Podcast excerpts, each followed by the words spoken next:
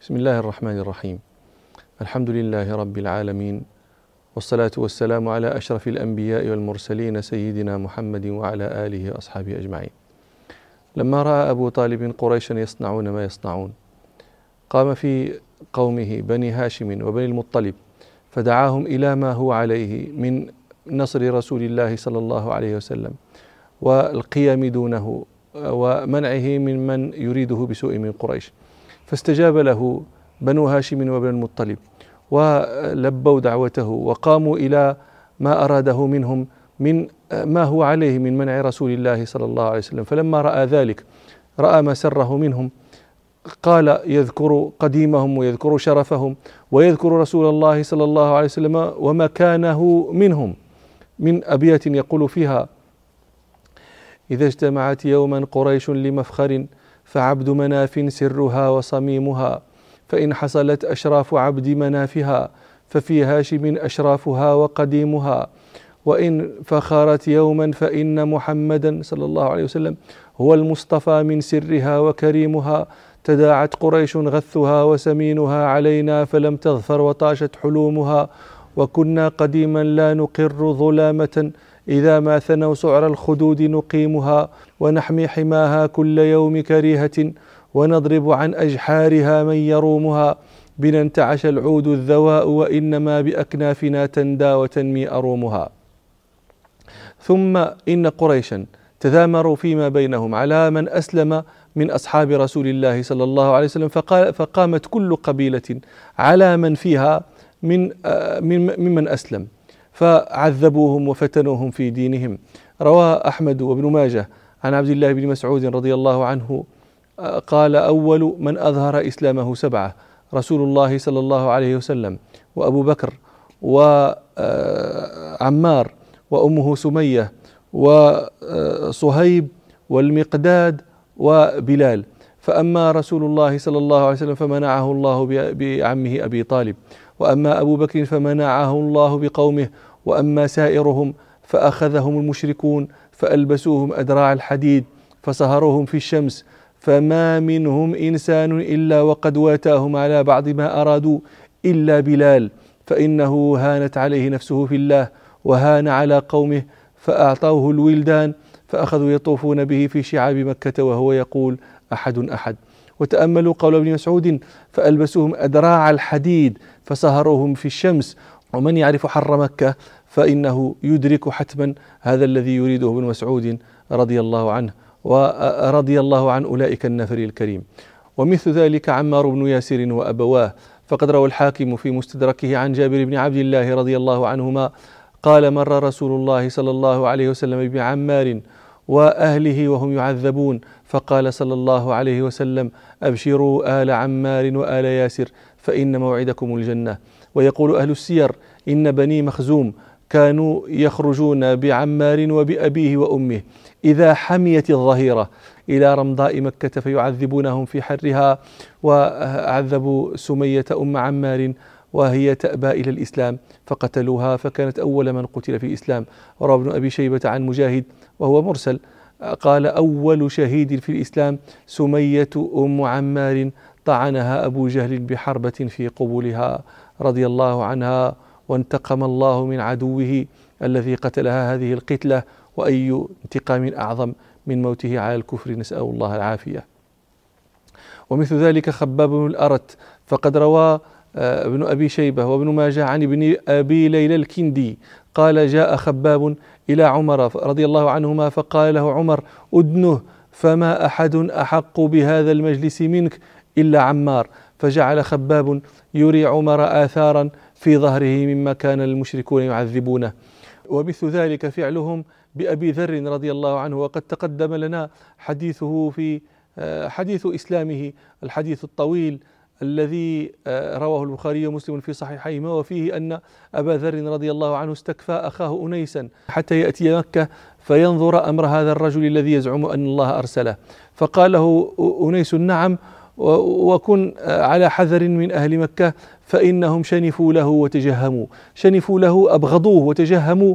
يعني آه، لا يلقونه إلا بوجوه آه، فظة غليظة متجهمة. فقال أبو ذر رضي الله عنه فأتيت مكة فتضعفت رجلا منهم. هو الآن يريد أن يسأل عن رسول الله صلى الله عليه وسلم ويخاف أن يسأل عنه. يعني فيصيبه ما حذره منه أخوه. قال فتضعفت رجلا رأيت رجلا فظهر لي أنه إنسان ضعيف يعني ما يكون من مثله شر. قال فتضعفت رجلا منهم.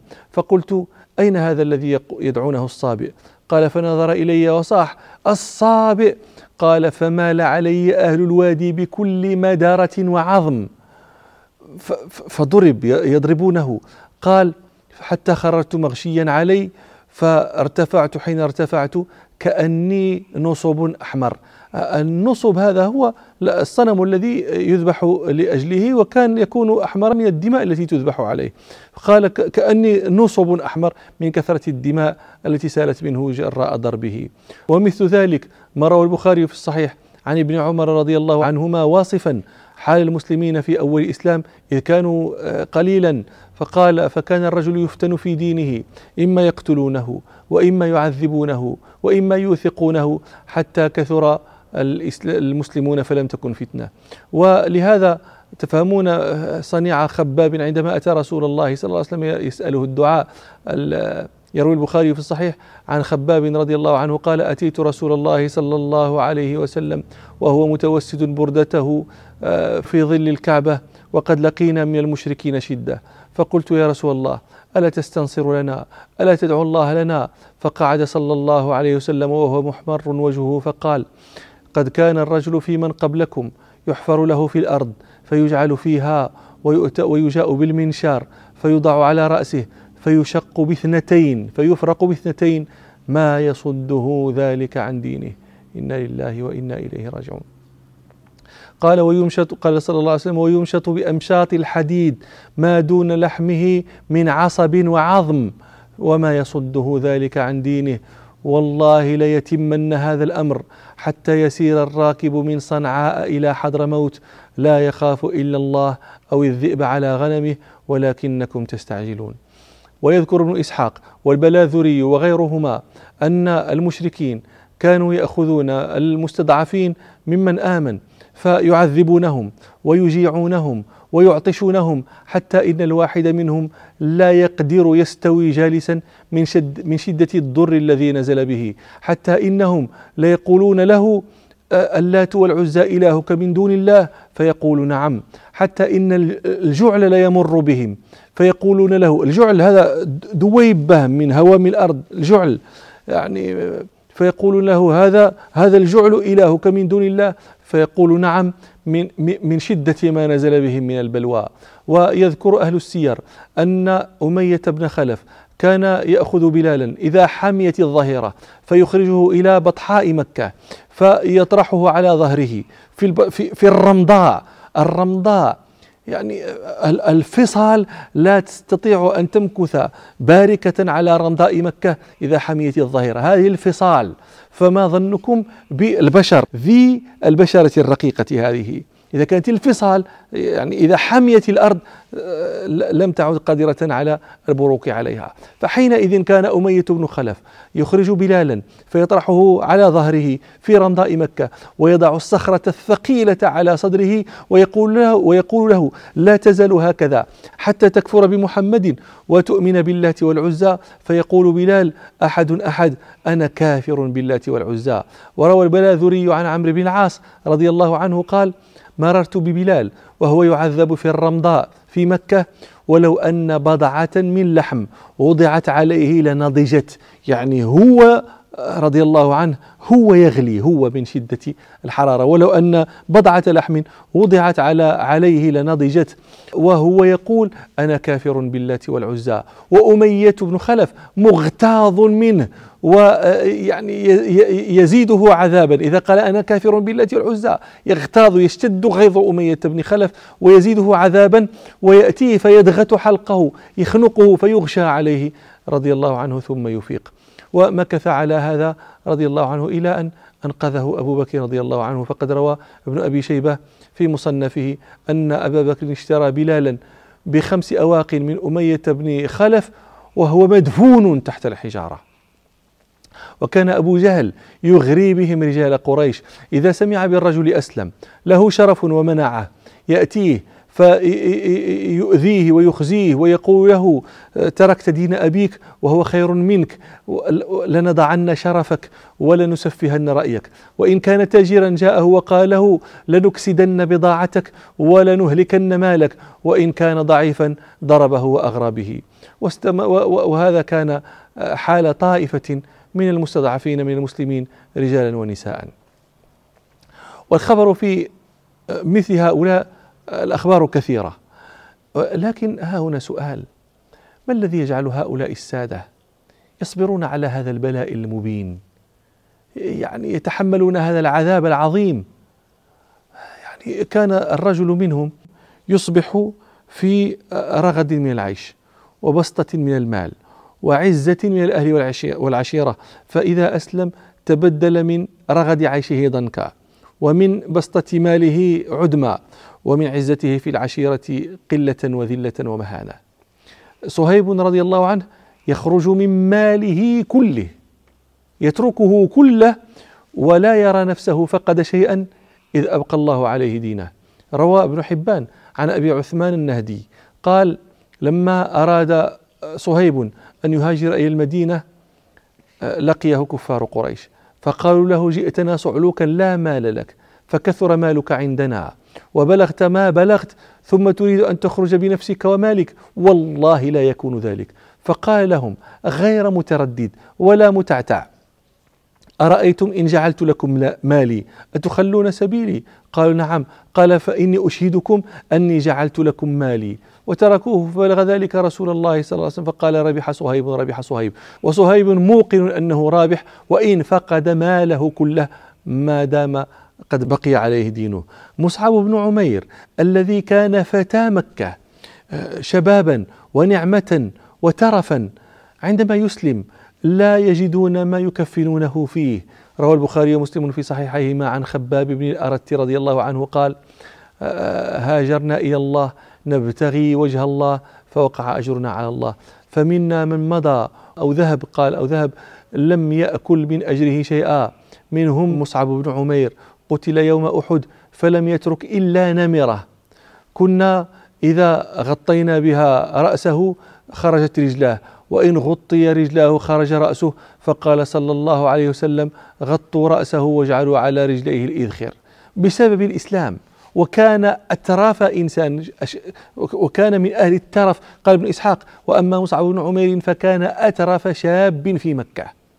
وذلك يروي الترمذي عن علي بن أبي طالب رضي الله عنه أنهم كانوا جلوسا مع رسول الله صلى الله عليه وسلم فمر بهم مصعب بن عمير وعليه بردة مرقوعة بفرو فلما رآه صلى الله عليه وسلم بكى لأنه صلى الله عليه وسلم يرى كيف كان وكيف صار.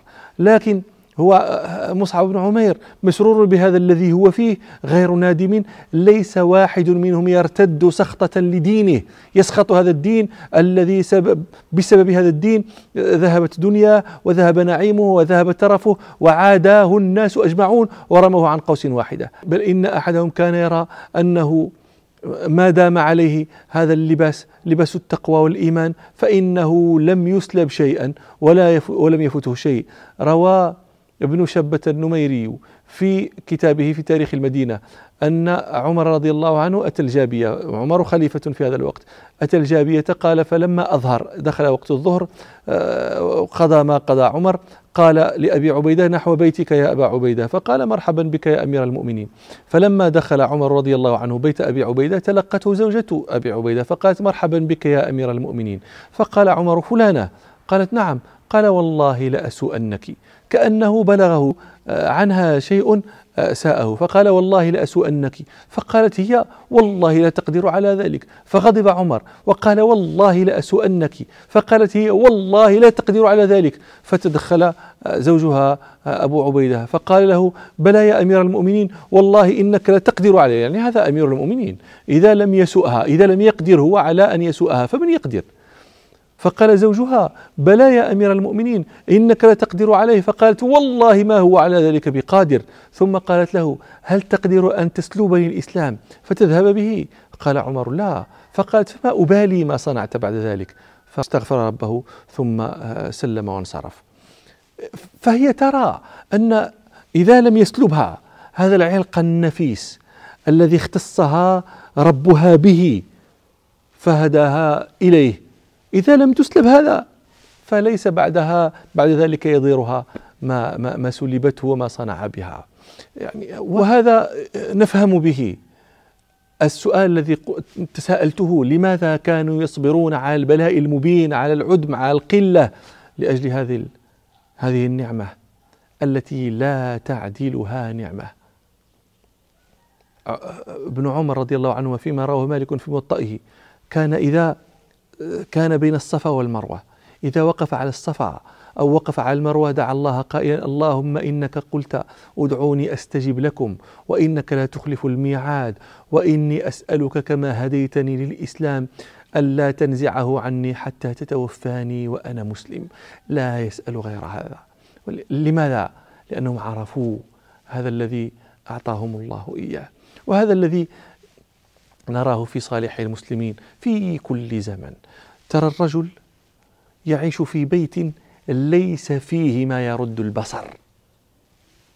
وهذا البيت الذي لا شيء فيه يرد البصر هو في بقعة حرها شديد وبردها شديد. فإذا خرجت خارج البيت ترى على مد بصرك. أرضا قاحلة ليس فيها سوى الحجارة وفيها الريح يسفي. لا تصلح لرعي ولا تصلح لحرث ولا تصلح لشيء. وهو في عيش شديد. فإذا قلت له كيف حالك يا فلان؟ أجابك متبسما الحمد لله. تستغرب أنت على أي شيء يحمد الله. كيف جاءه أن يقول لك الحمد لله؟ على ماذا؟ هو يرى يعرف أن أمر المؤمن كله له خير وليس ذلك إلا للمؤمن. إن أصابته سراء شكر فكان خيرا له وإن أصابته ضراء صبر فكان خيرا له. قايسوا هذا بما نسمعه ورأينا بعضه في كثير بلاد الدنيا. في بلاد أوروبا مثلا حدثت عن بلد ليس أهله يعرفون للفقر خوفا ولا يعرفون له معنى ولا يعرفون له لونا. الدولة تعينهم وتعولهم في كل شيء.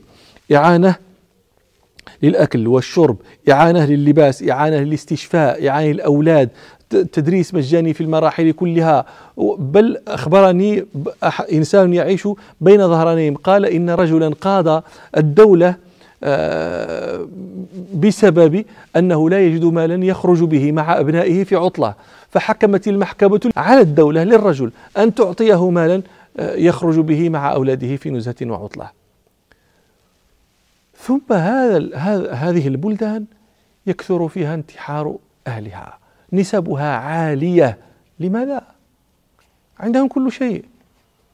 ويقتلون أنفسهم. وأولئك ليس عندهم شيء. ويبتسمون حامدين لله. لأن الفضل كل الفضل في هذا الدين. والرزية كل الرزية في فقده. كما قال الإمام أحمد رحمه الله إن المرزأ من يصاب بدينه لا من يرزأ ناقة وفصالها. وإلى لقاء آخر إن شاء الله والحمد لله رب العالمين.